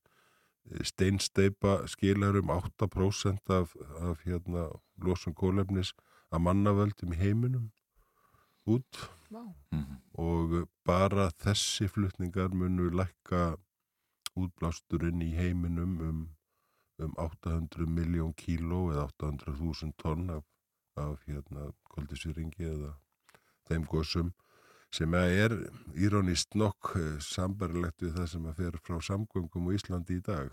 Mm. Það er annað verkefni sem er verið að tala um í, í hérna tengslu við Þólusöfn sem er þá upp á helliseiði sem er líka í öngverðismætti annað fyrirtæki með sambarilegar hugmyndir, það er endar þar að vera að tala um móberg en ekki eh, kölluvikur og í sama tilgangi að semst blanda í, í, í steinsteipu og þetta er nú kannski það sem við vunum svolítið takast á um á næstu árum. Hvernig ætlum við að ná árangri í loslagsmálum og í sumun tilökum verður það á kostnað einhvers annars. En ég tek bara undir, ég hef áhugjur af þessum flutningum og ég held að menn þurfa að skoða alla leiðir til þess að mm fara, fara einhver aðra möguleika ef þeir eru til, er hægt að fara með hluta þessu austur á höfn, er, er, er möguleiki? Og nú varpa ég því nú upp með, með, með, með kannski lítilli ábyrða því mann er að tala um sko höfn í vík, væri möguleiki að þróa höfnin í landægjöfn og fara þá stittra, mm. er möguleiki að dæla þessu út með einhverjum hérna búnaði, þetta er ævintralegt magn, þetta byrjar í einhverjum 200.000 tonnum en á að fara upp í 1,4 miljón tonna ef ég rendi gegnum umhverfismet skýsluna. En blasir ekki við að þurfa að setja einhvers konar gjaldtöku á svona þungaflutninga? Ég held að það blasir við að, að hérna að ef við erum að fara í umtalsverðar framkvæmdir vegna þessa þá er eðlilegt að, að sá sem nýtir öðlindina eh, og að, hún, að hann greiði meira fyrir hann eins og nefndir að svona stóri bílar þeir þeir hérna eru með miklu meira álag af, af, á, umferð, á veginna heldur en heldur en sem nefnur sko fjölda þeirra. Mm -hmm. Sko það hefur auðvitað verið aðeins umræða um uh, veggjöld hér á landi og, og það er einhvern veginn nánastægt að keira ákipis um alla vegi í Íslands eins og staðanir í dag sem að þekkist ekki annar staðar til dæmis í Evrópu. Um, sko er, hafið þið verið að skoða það inn í ráðundinu að byrja þessa umræðu eða þetta ferli eða jafnvel bara alfarið í þessum þungaflutningum að það sé, það sé fyrirtækin í landinu og sem eru hér að eigi viðskiptum sem að borgi veggjöldin en ekki almenningur. Já, sko, þegar það kemur að slíkri gjaldtöku, hvort sem er í gegnum jargöngu eða einhverjum af þessum saminu framkvæmdum eða bara fræðilega séði, menn taka upp slíka gjaldtöku eins og hér á höfuborgarsveðin er fyrirhugað, þá hefur það alltaf verið þannig að, að stærð og þyngd aukutækis spilar þar inn í. Mm -hmm. Þannig að, að vegir, tökum bara sem dæmi hérna, veginum hodnafærafljóti eða öksi sem að er svona kannski að fara að stýttast í, að þeir hérna, þar munu stórbílandi borga miklu meira heldur en heldur en hérna fjölskyldubillin. Mm. Þannig að, að einhverju leiti erum við þá farin að huga þessu með þessum hætti. En eins og ég sagði á þann, sko, er, þarna er búið að telja hvað margir bílar fara og þeir eru fjári margir, það verður að segjast eins og er. Ef það er verið að 214 á, á sólarheng, mm. eða ferðirnar fram og tilbaka þar að segja. 107 ferðir fram og tilbaka. En, en hvað eru flutningabílarnir margir í dag? hvað eru rútunar margar í dag, hvað er þetta hátt hlutvall af því, það er verið að segja cirka 10% í, í þessu röngverðismat skýslu 7-10 sem þýðir að, að þessu aukning sem þarna er, er þá einhver 30%, hún er þá eitt þriðji eru þá rútunar eitt þriðji flutningabílarnir eitt þriðji og þetta verður eitt þriðji eh, það er svona hluti sem við verðum að fara átt okkur á og hérna ef við förum að tala um gjaldtöku þá verður hún að vera líka á einhverju jafnbræði Mm. En ef við ætlum að fara að byggja upp mjög dýra innviði til þess að svona einnaður geti staðið undir sér þá er eðlert að hann greiði fyrir það. Já, já. Og er það eitthvað sem þú ætlar að beita þig fyrir þá á, á næstu mánum að það skilir þig til að mynda fyrir þessu verkefni í Power Minerals að, að fyrst veri ráði, ráðist í einhvers konar breytingar á þessu? Þetta er semst núna bara í hínu eðlega ferli, umhverfismatsferli eh, sem tekur nú allt sinn tíma og hérna og að lokum kemur raukstuðt álut skipilastofnunar og eins og ég saði að það í, í þeim tilveikum sem enn setts ekki við það þá er hægt að áfriða því til raðunnsins mm. og þá kemur þetta kastamenn á og allir ég geim ekki að, að hérna, segja nákvæmlega hvað mér finnst fyrir nákvæmlega til þá. Myndur þú segja að þetta mál sé erut fyrir þig af því að þetta er í þínu kjartami? Nei, mér finnst það ekki. Mér finnst þess að áskorunin almennt vera vaksandi mæli þessi, hvernig ætlum við að takla lofslagsmál. Mm. Þau verða stundum á kostnað umhverfis, þau verða stundum á kostnað einhvers annars sem við höfum getum við komist hjá þeim kostnæði með einhverjum, einhverjum öðru leiðum en einhvað síður náð ávinningnum af, af hérna, loslas leiðinni. Mm -hmm. Það eru svona hluti sem að ég held að sé nýjir fyrir okkur í, í umræðinni. Mm. Þarna eru þetta verið að, að nýta öðlind sem hefur verið talað um í ára tíi á, á Íslandi mm og hefur enda verið að nýta. Það hefur verið nýtt hekluvikur um, um nokkur langt skeið en margir hafa dreymtu um það að vera hægt að breyta svartum sandi í, í verðmæti og, og þannig er, er sannlega komið leið til þess og um leið að leta heiminum um 800 miljón kíló af, af hérna, útblæstri. Taldum útblástur, segurður, eh, málarni flugvallarins í Vassmýri hafa verið mikið umræðinni undafarið og, og eh, það eru þetta já, útblástur yfir eh, Vesturbæin og, og miðbæin og hlýðar sem að, hérna, íbúin þar er mjög svona umhugað um hvernig ætlar að skrifa undir þannig að flugvöldunum fara á Varsmeri? Í, vikunni flög fyrsta ræmasflugulinn mm -hmm.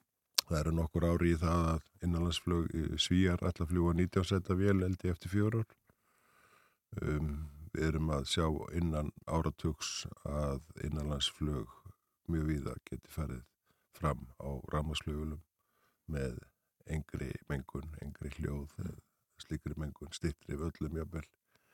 Ég hef sagt, hef ekki andað með nefinu ef að það er að gerast það sem að svona margt bendir til að kostirni sem henn hafa verið að skoða það sneiðist nú um þá og sjá hvernig hérna framtíðin þur, eh, svona, hvernig við þurfum að komast í gegnum eh, svona, eh, nálægustu framtíð. Mm. Það er svo margt að gerast og ef að heilt eldgós eða eldvirkni á Reykjaneskaganum um landskeið og yfirlýsingar jarðvísindamann okkar í þeim dúr ef þær hafa ekki áhrif á það sem við hefum sagt á síðastlinum 10-20 árum ef við höldum okkur bara við þær skoðanir á þess að, á þess að hérna, það reyfi við okkur þá held ég að, mig segja við séum kannski full þermosku full í, í hérna yfirlýsingum. En þú ætlum að innviðar að það líka, það var hérna borgarskipilarsfræðingur hjá okkur í gæð sem talaði um að 25.000 manns geti búið í Vasmíri ef flugvöldurinn myndi fara.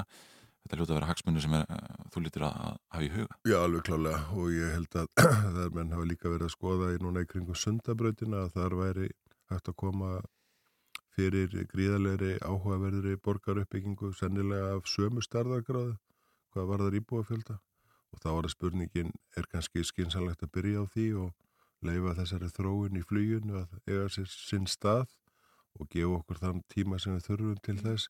Ég er ekki að segja að það verði niðurstöðan, ég er bara að segja við þurfum að vera opinn fyrir Hvað þurfum við mikið tíma til þess? Möguleikum. Hvað þurfum við mikið tíma til að, til að taka ákvarðanir þessu? Uh, varandi sundabröytina þurfum við þetta bara að taka ákvarðanir á, á næsta árum ef við ætlum að byrja að byggja hana 25. En, en hvað með sko, þau röka að það að færa innanlandsflögi til keflaðið myndi því að við myndum efla ferðarþjónustu bara vitt og breytt um landsbyðina og jafnvel byggðu líka því að þá er þetta að skreppa í helgaferðina ef þú ert að fara frá Ísafyrði með öðvöldum hætti til keflaðið og það áfram. Ég held reyndar að, að hérna, ef við lesum alla það skýsli sem hefur verið gefnur út að þá er það uh, niðurstaða þeirra að innanlandsflög fyrir Íslandinga muni leggast af mm. ef það fer til keflaðið Eh, fyrir ferðamenn, já, þá væri þetta alveg möguleik og það er augljós kostur að hafa alþjóðlega flugvöld og einanlandsflugvöld á sama stað. Emitt. Það var eina af þeim kostum sem enn vildi skoða við kvassarun en, eh, en hérna en staðrindin er svo að ef að innanlandsflugið fyrir Íslandinga þá mun það leggjast af þetta er bara rétt ímynd að vera að kera frá Akureyri í dag og þokkarlega góðum vegum og góðum degi. Við versus að fljúa til hérna keflavíkur og, og þurfa að taka bíllegu bíl og keira þær í klukkutíma sko. Mm -hmm. það, það er ekki valkostur. Nei, nei, við komumst ekki lengra í þetta skemmti Sigur Ringi Jóhansson, innviðar aðra, takk fyrir að kíkja til okkur í morgunúndarpið. Við ætlum að renna yfir frettir vikunar hér með góðu fólk eftir skamastund og setjast hjá okkur Þorstur Pálsson, fyrirvændi forrættisráður á Sigur Ingibjörg Ingadóttir, hafræðingur og fyrirvændi þingmaður. Já. En fyrst er það áttafrettir. Fyrst er það áttafrettir frá fréttastofu Rúf. Þú ert að hlusta á morgunútvarpið á Rástvö.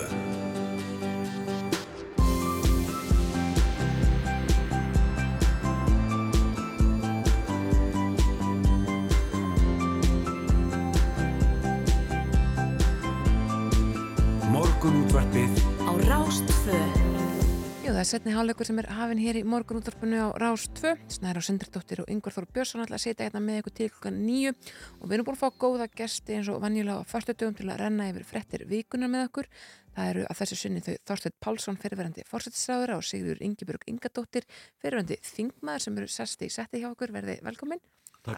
Skulum byrja kannski bara á eh, svona einhverju máli sem að, að hérna, snertir alltaf þjóðina, stýrifasta hækkanir í Sæðarabankanum sem að búist við Þorstein.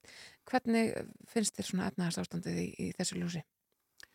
Já, það er auðvitað mjög snúið og, og erfitt og ymsal blíkur á lofti. Eh, það er og það er eh, svona, eh, svona stefnir í svona misvíðsandi áttir við, við erum að upplifa að gengi krónunar er að hækka á sama tíma og viðskiptahallin er að vaksa mm -hmm. þó að þetta sé ekki orðið sama vandamál og fyrir hún að þá er þetta að stefna í þessar tvær gagstæðu áttir á sama tíma mm. og, og það held ég að sé talsvægt mikið hættumerki mm. en af því að myndist á stýrivextina já, þá er auðvitað stóra spurningin sem mann þurfa að svara af hverju þarf að hækka stýrivexti tíu sunum meira á Íslandi heldur en í krónuhagkerfin í Danmörku sem er tengt við euruna til þess að, að vinna gegn sama verbulgustíi. Mm. Þetta er auðvitað spurning sem þarf að svara mm. og, og ég, mér finnst sem sagt umræðan um það vera of, of lítil af hverju. Ég held að það sé ekki af því að við höfum verri stjórnendur í Sæðlamankanum. Ég held að það séu aðrar og, og kerfislægari ástæður fyrir því. Já, Sigurður, ert þú með, með svörun við spurningum Þorsteins? Já, sko, nei, mér langar að segja bara fyrst, nú er verið að hekka stýrivexti og það er náttúrulega peningamál komu út samhliða og það er farið yfir stöðuna, hagvöxtur er meiri en búistar við, enganisleir meir en búistar við það eru sko miklu fleiri ferðamenn en búistar við mm -hmm. og þannig að sko það er gríðarlegur atgangur í hækkerfinu og og, sæ, og Sælabankin náttúrulega hækka vexti til þess að gera fyrirtækjunum og heimilunum erfiðara fyrir í fjárfestingu fyrst og fremst. Á sama tíma er einhvern veginn þriðjungur landsmennar sem svara því að þau er erfitt með að ná endum saman. Þannig að það eru svona, þetta eru svolítið ólíkar aðstæður fólks í landinu og þetta er alveg í samræmi við niðurstöður úr vörðu sem er okkar ansóknarstofnun, mm -hmm. vinnumarkaðarins eða sérstætt verkefliðsreifingarinnar að það er svona þarna hópur launafólks, sko verulegur þriðjungur eða meira sem er í allt annari stöðu heldur en allir sem er að fljúa til Jútlanda og kaupa sér rafmagsbíla og allt þetta. Og þá sko hverja svo sem orsaki vandans eru og ég held að við þósteit séum ekkit sérstaklega ósambalum það Íslenska krónan er ekki mannlegur gældmiðl í litlu og opnu hagkerfi en uh, það eru samt sem áður, þetta er fastegnamarkaðurinn, þetta er húsnæðismarkaðurinn sem er að halda þessu uppi og síðan er það hækkandi bensínverð, hækkandi verð á flugfargjöldum og svo náttúrulega matvöru og það sem að, og bankin í sjálfur sér, hann er bara með þetta vextatæki og er að reyna að kæla niður hagkerfið. En, Hefur það tekist? Hann er búin að hækka og hækka og hækka bara náttúrulega. Já, þetta er náttúrulega að hafa áhrifin í fastegnamarkað, mm. en sko svo er koma hér fólk og er að segja, þeir sem er að selja vöru verða líka halda aftur að sér. En það er svo merkilegt og mér langar eiginlega, ég verði eiginlega að koma því að, að sko við erum með hóp hérna ríkasta eina prósendi sem er með sko laun langt umfram það sem venjulegt launafólk er með. Tvær til, hvað er það, 17 miljónir, mm. menn þetta eru svo sturdlaðar e, fjárhæðir í mánadalaun. Þessi hópur er að senda skilabóð, þetta er hópurinn sem er að segja launafólki að það verða að vera aðhaldsamt í launakröfum, það hérna, já, verði að taka ábyrð á verðbólkunni En þetta er hópur sem að síðan er ekki neitt, segir bara nei, við, það er mjög eðlilegt að við séum á þessum ofurlaunum og við getum ekkert lakka vöruverð mikið, við erum með svo látt vöruverð. Þetta eru undantekningar lítið fórstjórar sko fákemnisfyrirtækja sem að stjórna hér verði á markaði bara í svona eh, þægilegum einingum. Þannig að sko...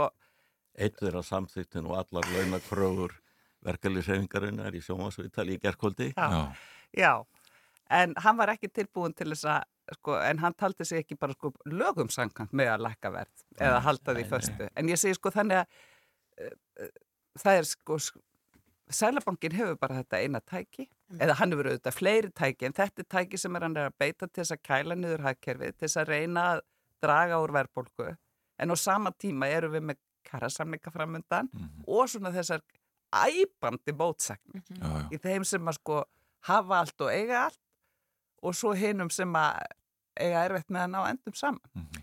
Hlut, hluti af vandanum í þessu er, er liggur í því að, að við erum með, með stóran hluta af okkar hagkerfi sem er ekkit í krónuhagkerfinu.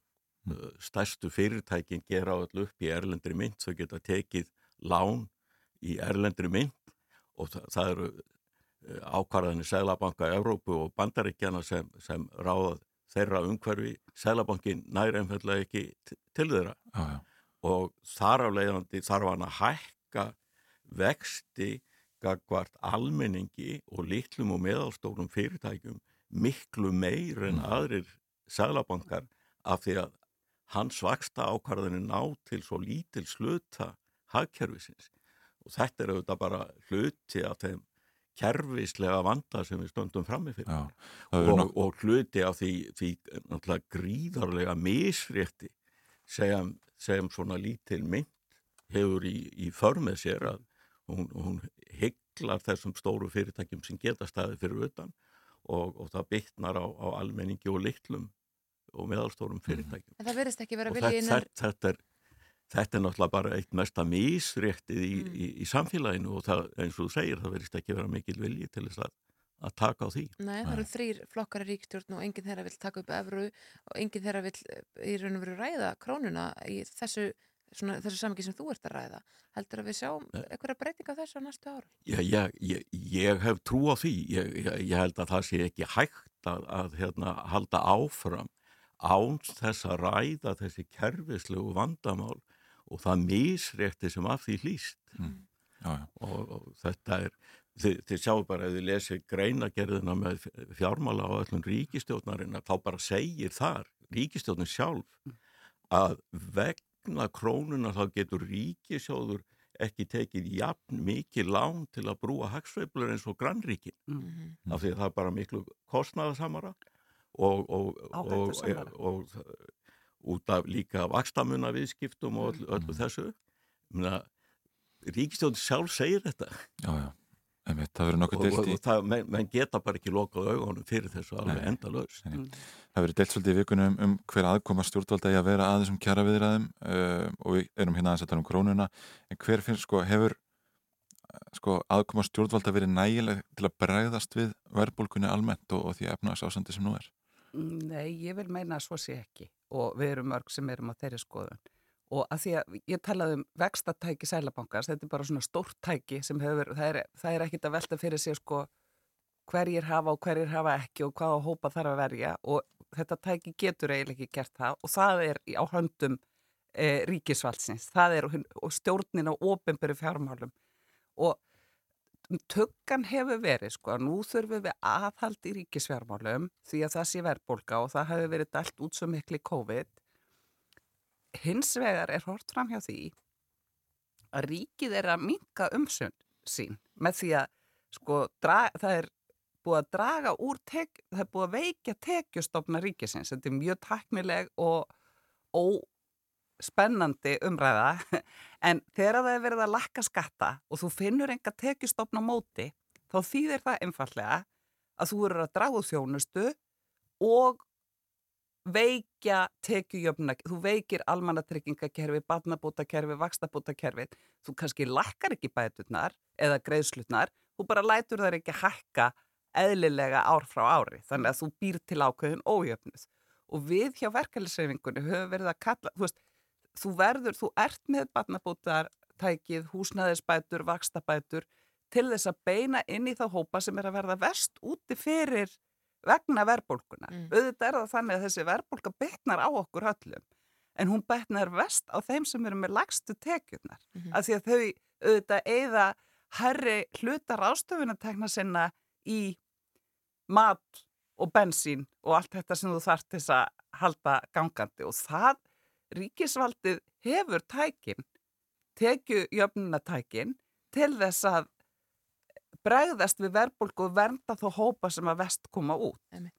Anna en mál, mín, já, bara mín skoðun er svo að, að ríkið á að hafa sjálfstæða efnaðarstefnu þá ekki að láta aðila vinnumarkaðarinn sin stjórna efnaðarstefnunni og eitt af því sem ríkið á að gera í dag að það þarf auðvitað að, að bæði aflatekna og til þess að geta styrt þá sem eru allar að lagast sektir í, í samfélaginu og, og en ríkistjórn með, sem hefur ekki sjálfstæða efnaðarstefnu og býður bara eftir því að, seg, að, að hvað aðilar vinnumarkaðurinn segir, segja, hún gerir þetta ekki.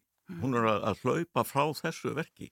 En, en ég tel, þess vegna tel ég að ríkistjóðinni á sjálfstæðastefnu taka ákvarðanir af, af þessu tægi en ekki láta draga sig inn í kjærasemninga. Og ég bara nákvæmlega þú varst að nefna hér áðan að, að þessar miklu skattalækanir, Mm. þær voru nú afleðingar af, af kjærasamningunum afleðingar af því að ríkistjóðnum var dregin inn í kjærasamninga síðast og stærstu kröfunar sem ég sé í dag frá sömum verkalýsfélögum eru um rosalegar skattalækkanir og hinn hliðin á, á því er bara eins og þú segir minni þjónustæð veri hérna, fjármögnun á landspítala og velferðarkerfinu. Mér langar Þannig að, að, að, að ríkistjórn verður bara á, á, með sínu líðræðislega umbóði að móta efnaðarstefnuna hún, hún á ekki að, að, hlaupa undan einhverjum öðrum í, í því efni. Ég ætla að fá að skipta hans um kúrs uh, þó að þið getur auðvitað að tala um þetta í allan dag en, en það, hérna, það er þannig að svona, ég myndi segja þessi ótt að segja stormur í vasklasi vikunar hafi verið uh, þetta mál varandi,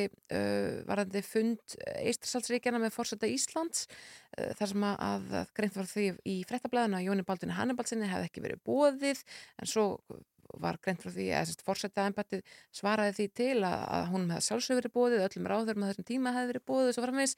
Kannastu við það Þorstein, fegst þú bref þar sem þið var bóðið þannig fund? Já, ég, ég fekk bref á bara nákvæmlega sama tíma. Og, og hérna, ég, ég átti nú sjálfur frumkvæðið að, að þessu máli, ég flutti fyrstu þingsalitunar til þjóðuna um að Ísland myndi stíða þetta skref þá var Jón Baldvin nú mjög harkalega á mótið því. Nú? en, en hann, hann tók málið síðan upp og, og framkantið það eh, að mínu viti bara mjög vel og, og Íslandi var Íslandi til mikil sóma í, í því. En, en, en, hann var á, á mótið því þegar ég tók frumkæði í málinu og, og flutti fyrstu tiluguna en, en, eh, en já, ég, ég fekk þetta bref bara á sama tíma og, og uh, ég, ég get ekki séð að fórsetin hafi með nokkrum hætti staðið illa því. Nei, nei. Það fannst þetta á skrítimál, Ingeborg, hvernig, nei, Sýrur Ingeborg, hvernig hérna straukaðir? Já, þetta var rosalega læti Já. út af einhvern veginn, einhverju sem að augljóslega var miskilingur og mér hefist eiginlega ekkit meira um þetta mál að segja. Nei. Nei. Bara, ég segi bara, er ekki búið að ræða þetta nóg. Akkurat, uh, við farum okkur líka aðeins og ræðum örstuðt hérna um þessar hrikalögu skotrás á blöndósi uh, Þetta er einhvern veginn slær alla Íslendinga, snertir alla uh, sko kallar þetta á einhverja breytingar á skotvapnalögjöf og, og, og, og geðelbreyðismálum öðru slík Sko, ég þekki ekki nægilega vel málavöxtu þarna og þetta er náttúrulega voðaverk og sem leiðir af sig gríðarlegan harmleik og svo í, í þokkabót inn í svona lítið samfélag. Þannig að það einhvern veginn verður enn sárara og erfiðara. Magnar upp harmleikin einhvern veginn. Já, Mhm. en, en sko, maður veldi fyrir sér, veist, þetta er augljóslega snertið þetta bæði skotvopn og geðheilbriði, en varðandi skotvopnin þá, sko, það eru aðri betur til þess að tjásu um hvaða leiðir við höfum í geðheilbriðismálum til þess að uh, draga úr áhættu og svona, en varðandi skotvopni þá er maður hugsað við því hvað við erum með gríðalegt magn vopna á Íslandi þó að það séu vopn til veiða. Og saf, sko, og mér finnst kannski við þurfum að staldra við þar og fara yfir það með hvaða hætti hvernig háttum við þessum málum hér á landi. Þetta er auðvitað við sjáum þetta vaksandi í löndunum í kringum okkur eh, vopnaburð eða notkun á vopnum til þess að bana öðrum og mér finnst þú veist, það er svona sem almennu borgari, þá finnst mér þetta eitthvað sem að veikum manni svona óhug að þetta sé svona margir sem að eru með vopn í bílskurunum sínum. Þú sammála þessu þórstætt? Já, þetta er, þetta er eh, mikill harmleikur sem snertir bara hjarta hvers einasta manns í landinu og uh, ég held að við þurfum líka að haga umræðinni þannig að, að hún, hún byggist á, á umburðalindi og, og umhyggju. Auðvitað er, er ekkit hægt að komast hjá því að þetta snerti spurningar um svona stór mál eins og til að mynda hvernig vopna lögjöf eða lögjöf og eftirliti með þeim málum er, er háttað. Og ég, ég held að það hafi svo sem leigið fyrir lengi að, að það þyrti aukið aðhald í þeim efnum. Ég held að, að það er ekki bara þessi atbörður sem segir okkur það Nei, einmitt. Við komumst ekki lengra? Nei, nei, við spyrjum oft hérna í, í lokina á fréttu vikunar ja, hvað ætla að gera um helgina Sigriður, við byrjum að þér Já, ég er til? nú ekkert með stórskosli plön, ég ætla, ég ætla að hitta nokkra vinkonur í kvöld sem er alltaf gaman Já. og svo ætla ég bara að reyna að komast eitthvað út í svona íslenska náttúru með nesti. Bara. Ég haf pínu hafa verið sveikinu sumarið og ég ætla að reyna bæta þau upp á sunnudaginn. já, segir hvað segir þú? Já, allir maður reynir það ekki líka að fara, fara eitthvað með næstu spóka Já, Það hljómar afskaplega vel. Uh, við ætlum að gera slítið sama hér, fá okkur kaffibotla að minnstakosti á meðan til hlustuð á eitt gott lag og heita svo frettævild frá frettastofu Rúf. Svo komum við að vera með spori.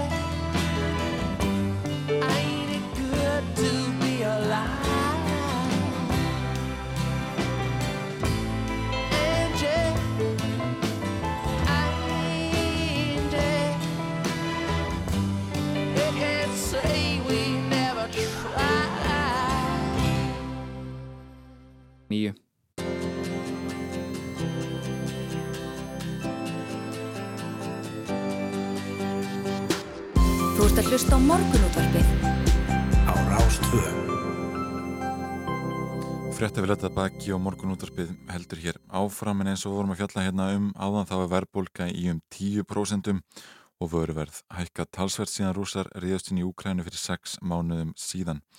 Nú krónan tilkynnt í fyrra dag að hún hefðist frista verð á 240 vörum en framkvæmdastjóri Hagkaupa sæði ger Haga sem á Hagkaup og bónus verið þröngri stöðu þar sem félaga verið skilgrind sem markaðs ráðandi og framkvæmdastjóri bónus hæðist ekki til þetta ábyrta frista vöruverð fyrirtækisins. Nú hingaði komin Lára Jóhannsdóttir, eh, professor við Háskóli Íslands, góðan daginn. Góðan daginn. Okkur langaði þess að forðindast út í samfélagslega ábyrð fyrirtækina og neytenda hegðun þegar svona er gert. Hvaða áhrif hefur það að- eitt fyrirtæki fristi verð á meðan hinn gera það ekki?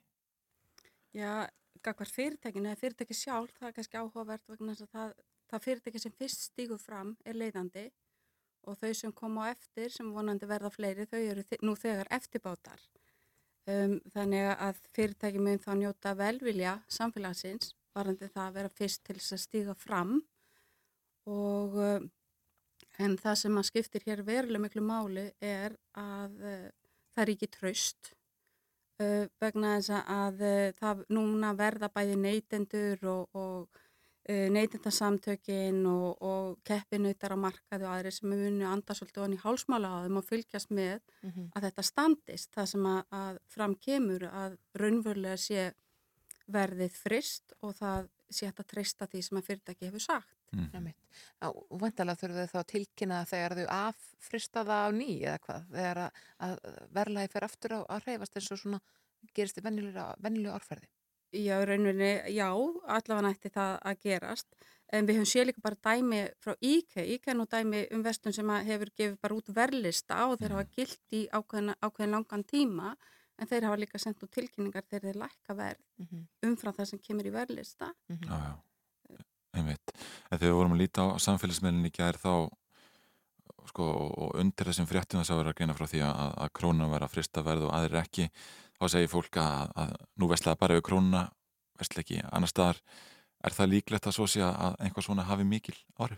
Við getur það allavega til að byrja með en eins og ég segi það byggir á þessu trausti og þetta traust, þetta þarf að vera ek ekta, það er líka búið að koma fram í umræðinu þetta sé mögulega bara markaðsbrella og þar alveg skiptir þetta gagsægi og, og slíkt máli við, vegna þess að ef það er ekki að treysta þessu þá getur það haft neikvæð áhrif á ímyndina hjá fyrirtækjunum og það er hugtak sem að kallast samfélagsleiti rekstrarleifi fyrirtækja, það snýst í raunum bara velvilja samfélagsins gagvart fyrirtækjum og e, fyrirtæki geta glatað svona samfélagslegu rekstrarleifi eða velvilja bara eins og hendi sér veifað.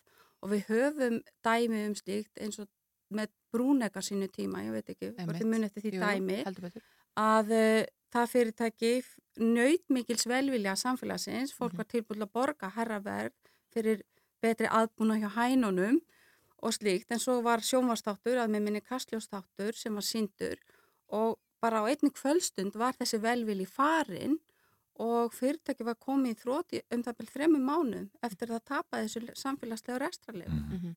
Sko, en hvaða áhrif getur svona viðtal eins og við, var við Guðmund Martinsson frangandastjóra bónus í gær, uh, hvaða áhrif getur slíkt viðtal haft þar sem hann segir að það sé ekki ábyrgt að frista vöruverð fyrirtækisins? Hugsar, hug, hlustar fólk á þetta og hugsar, já þetta er maður sem talar á ábyrð og, og þetta er rétt hjá honum eða hugsar að já þá bara beini ég viðskiptum mínum annað?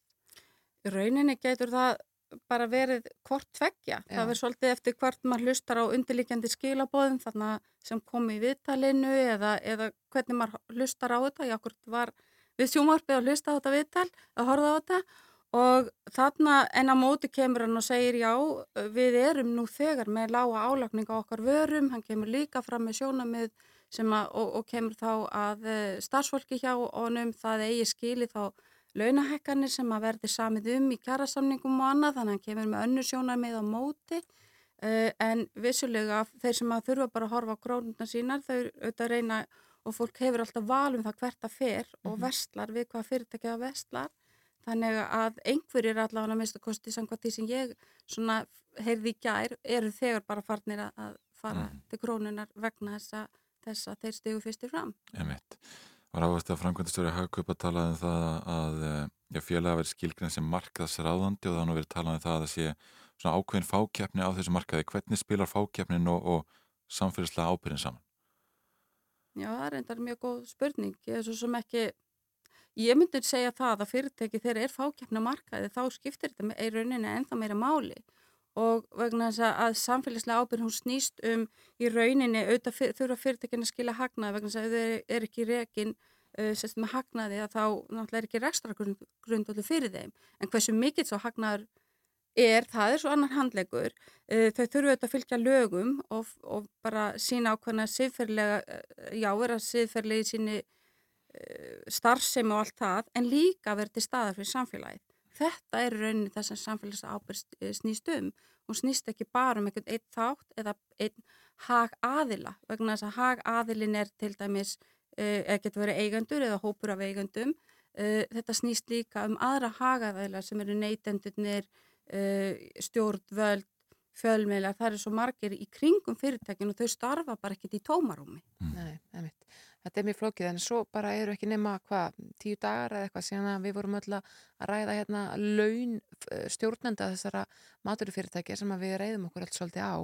Eh, Sko þetta hlýtur að við ekki svolítið upp á móti hverju öðru þar að segja eitthvað svona samfélagslega ábyrðvarandi það fyrsta verð og svo að sjá bæði að þessi fyrirtækja eru að hagnast um miljarda og stjórnendur eru á gríðalega, gríðalega háumlun. Ég meina neytendur velta þessu líka fyrir sér. Þannig eins og segja, þetta, þe- þetta líka snýst um gagsægi og upplýsingar séu réttar og, og það allt saman. En auðvitað er náttúrulega, og það hafa verið að koma mjög misvísandi skilabóð núna bara út í, í samfélagi varandi það hvort sé sveigrum til laugin að hækka þið ekki. Margir segja að það er ekkert sveigrum, svo kemur uh, frangotastjóri í bónusvestlan og segir já, fólki mitt á gólfinu þá skilja fá launahækkanir. Þannig að þetta er svona svolítið misvísandi skilabóð sem er að koma núna, hvort það sé sveigrum til staðar eða ekki, en vissulega erum við í þeirri stöðu að það er komin hérna verbulga sem þarf að, að ná tökum á. Já, og bæði hún og stýrivextir hafa kannski getið upp það launahakana sem við fengið undarfærin ár. Mm. Þannig að já, það, þetta er auðvitað svona bara, það er ákall bæði frá stjórnvöldum og almenningum að við, fá, þessi, við náum tökum á þessu ástandi og það þurfa að taka þátt í þessu. Mm -hmm. Mm -hmm. Það er hildið ágætt Lokar Lára Jónsdóttir, professor við Háskóla Íslands Takk fyrir að, að kíkja til okkar í morgunúðarpið Já, takk fyrir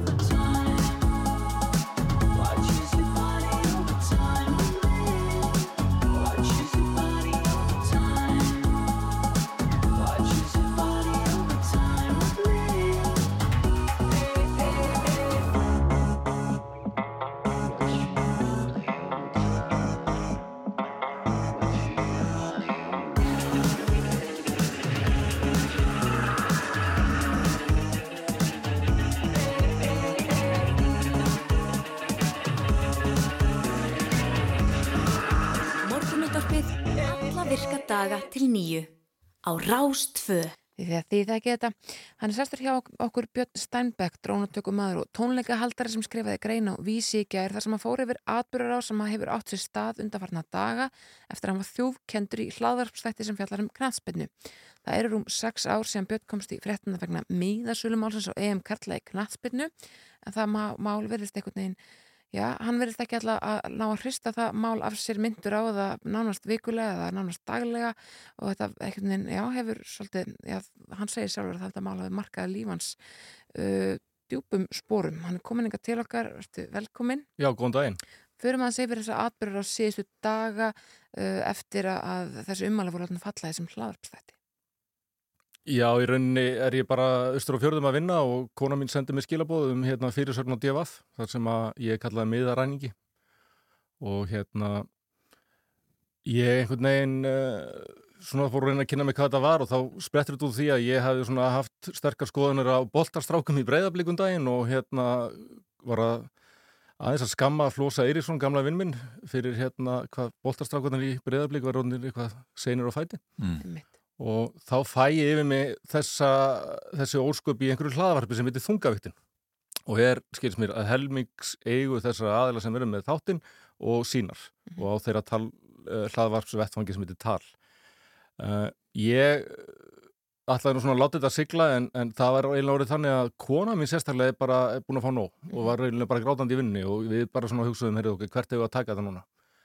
Og ég ákvaða að bregðast þannig við að, að hérna reyna að ná í DFF og fá afrita þessum dómið þar sem að ég átti að hafa rænt einhvern Mhm. hann náttúrulega ekki til Nei, nei. uh, næ loksis í rittstjóra DFF morgunin eftir en það skaðin skeður og fréttin er tekin út strax og ég er bara beðin innilega afsökunar og ég tók það bara gott og gilt uh, og ég fer fram á sama við sín við Ríkard Óskar uh, Ríkard G og Þórald Gunnarsson um að ég fái afrita þessum gögnum um það að ég sé ræningi Mm. Og ég sendi þeim þrjú skilabóð á klukkutíma fresti, fæ engin svör þá endaði því ég sendi á heiðar uh, forstjóra og nokkra aðila í framkvæmdarstjórn fyrirtækisins og þá fæ ég allt innu svör og þá er það farið það að ég verð beðin afsökunar uh, og þar framöndi göttunum. Ég baði um að fá að hitta manneskina sjálfur uh, bara til að tala um þetta og reyna að skilja hvaðan það kom og kannski fá að segja mína hlið sem að hefur afskaplega sjaldan fengið að koma fram í þessu máli. Uh, ég hef ekki talið að þjóna neinu tilgangi að segja yfir höfu nokkuð frá hvað raunverulega átt þessi staði í þessu máli því að þetta máli hefur aldrei snúist um mig, þetta snúist um þá sem að sannarlega fengu ekki miðáleikin, sannarlega urðu fyrir tjóni og upplýðu alveg umlegan dag. Mm. Þetta hefur aldrei snúist um mig. Einmitt. Þannig að, og mér er sagt að þessi einstaklingur alltaf byggðum afsökunar. Það er uh, þáttastjórnarnir Já, þessi, þessi hérna, þáttarstofnandi og, og ég sé hann hlusta á hlaðvarpi daginn eftir það sem hann byggði með afsökunar en hann baði mig ekki afsökunar hann segir, ég, hann las upp einhverja yfirlýsingu og í yfirlýsingunni hann segir ég ætla að byggja björn afsökunar en og ég held að það geti enginn byggðist afsökunar og sagt en og þá fyrir hann að útskýra og réttlæta af hverju hann kallaði mig miðaræningja Mm. þannig í raunin er hann bara að halda áfram svífinningunum og það var þá sem að ég hugsaði mér, heyrðu, ok, þetta gengur ekki alveg upp, sko. Ég hefði alveg látið þetta mál bara liggja og svo að, heyrðu, ekkert mál, hann er búin að byggja um afsökunar, hann vil ekki hitta mig allt í lagi, ég get ekki breytt því. Ég reyndi að fá hann til að hitta mig, hann vildi það ekki, ekkert mál. En þetta var ekki afsökunarbyrni. Og þá fannst mér bara rétt að benda kostendum þáttarnis á, sem eru uh, hérna Coca-Cola partners á Íslandi gennum Viking, uh, Nóir Sirius er þarna, Volt Nikotínpúðar, Kraftburger Kitchen og Bar skils mér og hérna ég er búin að setja mig í samband við allan að Nóa Sirius og Kraftburger og benda á þetta. Þarna er bara meðirði og, hérna, og aðdróttanir í hlaðvarsættir sem þeir stýra. Uh, síðan virðist það vera núna, ég virðist ekki mega að hafa skoðun á því hvað er sagt um mig í filminu. Og ég virðist ekki mega að einu sinni bera fyrir mig hendur. Akkur segir það?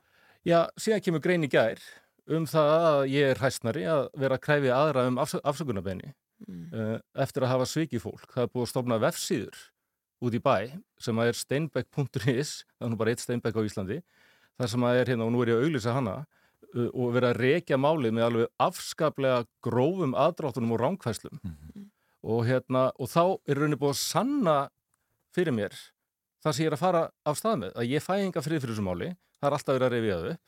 Og, og þetta er orðið svo sturlað að það er fólk sem að býr til vefsíður út af sex ára gömlu máli fólk sem að upplifu sig hlunfarið og þannig er aðili sem að ég veit að tapaði penningum en ég hef aldrei farið djúft í það hvernig það mál stóði eða af hverju Nei, en hvaða rángfæslur eru það á, á síðunni? Já, hvað var um peningana til dæmis? Það hefur alltaf ljóst fyrir hvert peningarnir fóru. Þeir fóru í einstaklingi sem keifti, eða sem að hérna útöða með miðana og fólkir sem að, að hluta til að mestuleiti, fólkir sem að fóru fram á endurgreislu. Þannig að þetta er allt vitað. Mm. Þetta eru gögg sem liggja fyrir, þetta er í bladagreinum, þetta eru bref frá lögfræðingur sem hafa byrst í fréttum, þetta eru farið ekki um þrótabú, skiptastjóri. Það, það, það er engin svik með þessa peninga. Ég fekk ekki það sem byrj. Þannig að En eh, sko, konan er komið nóg og þú ert auglustlega komið nóg líka og, og skal nú engar undra eins og þú segir, það eru sex ár síðan það mál kom upp og reyndist eh, bara þér og öðrum mjög erfitt. En ertu núna komin í þann fasa þegar þú ætla bara að rísa þessu upp á afturlappina varandi þetta og bara bregðast við því þegar fólk er stanslust í einhverjum, einhverju poti út af þessu? Ég sko, ég bara, ég fæ oft sendt alls konar skjárskot og fleira af fólki. Þetta er náttúrulega ekki mikið af fólki, þetta eru, þetta eru sára fáir einstaklingar Mm. sem betur fer. Og, og, og 99% af því fólki sem ég á samskipti við og hefur spurt múti í þetta er alltaf bara þú veist, til hvers, af hverju Mhm. en það er bara, það er svo auðvelt að gefa fólki ráð eins og ég er búin að fá endur tekið ráð frá vínum vinum og félugum og lögfræðingum og fleirum um hérna bara látið degja sig, látið degja sig Mm. en það hætti bara aldrei þannig að hérna, já, ég, við, ég er unni svolítið komið þangað bara, að, hérna, kannski bara best að hérna að, að fara að bregðast bara fastar við Mm. en þetta snýst samt aftur ekki um mig, þetta snýst um bara þannig veruleika sem við erum byrjað að búa í við erum búið að búa í veruleika þar sem að fjölmilar eru reknir af því hversu margir smetla á einhvern le- hlekk á vefsinu þeirra. Og við vitum það alveg að þær, þær, þær tölur eru teknað síðan inn í auglýsingadæld sem sendir þetta til fyrirtæki út í bæ og segir sjáðu hvað er mikil umferðina það er aldrei verið að velta fyrir sér afleðingum gjörða þeirra sem búa til þessa smelli. Það er aldrei verið að tala um ábyrð þeirra sem að stilla upp fyrir sögnunum til að tryggja það að einhver auglýsandi eða einhver starfsmára auglýsingadæld nái saman til að búa til díl og við erum komin á svo hættulegan stað. Og síðan er svo með þennan hlaðarstátt sem ég er að tala um uh, af hverju eru við að rakka niður fólk endalust af hverju eru við að tala illa um unga krakka á fótboltavellinum? Þú veist slæma dag í öðrum flokki eða fjórðaflokk eða fjórða, fjórðaldileik af hverju eru að tala um að einhver sé feitur eða ekki nógu góðu formi? Þú veist af hverju til að fá einhverja aðtegli, smelli, deilingar og, og fleira. Við erum, við erum komin á mjög hættulegan stað og í rauninni verð ég bara að hugsa, byrju, ég er þá greinilega fordæmi sem fólk ætlar að setja. Fólk ætlar að fara á eftir mér hvað sem ég segi það geri og þá kannski verð ég bara að standa betur upp og segja, heyrðu, hvað eru við að tala um hérna? Mhm. Þetta er stór alvarlegt mál.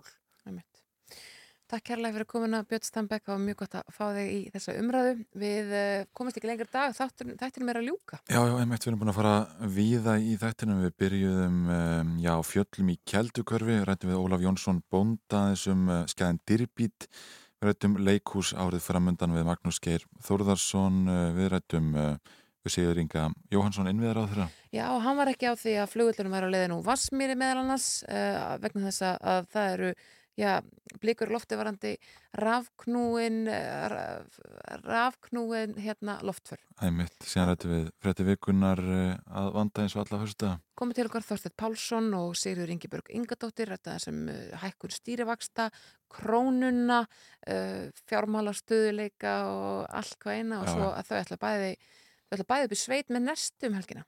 Einmitt. Uh, og talandi um krónuna þá rættum við einmitt uh, verðbólguna og þá ákverjum krónunar að frista verð á vörutegundum uh, einhvað sem uh, hina vestlandar ætla, ekki að gera Einmitt. uh, við Láru Jóhansdóttir, professor við Háskóla Íslands Já, og svo lögum við þetta með Bitni Stenbeck sem að fóru yfir þetta ótrúlega mál sem að verðist aldrei ætla að taka neitt enda. Nei. En morgunúþarpi tekur enda þessa vikuna. Við verðum hér aftur á mánudag, resokátt og já, jafnvel fróðuleg og, og svolítið fræðandi. Já, já, skemmtileg. Við þakkum fyrir Skemmtileg, jú, jú. samfélgina. Look out, kid, just your heart. You don't have to play the part they wrote for you. Just be true. There are things you could do that no one else on earth could ever do. But I can't teach you, I can't teach it to you. Look out, kid, trust your mind, but you can't trust it every time. You know it plays tricks on you, and you don't give a damn if you are happy or you're sad. But if you've lost it, don't feel bad, cause it's alright to be sad.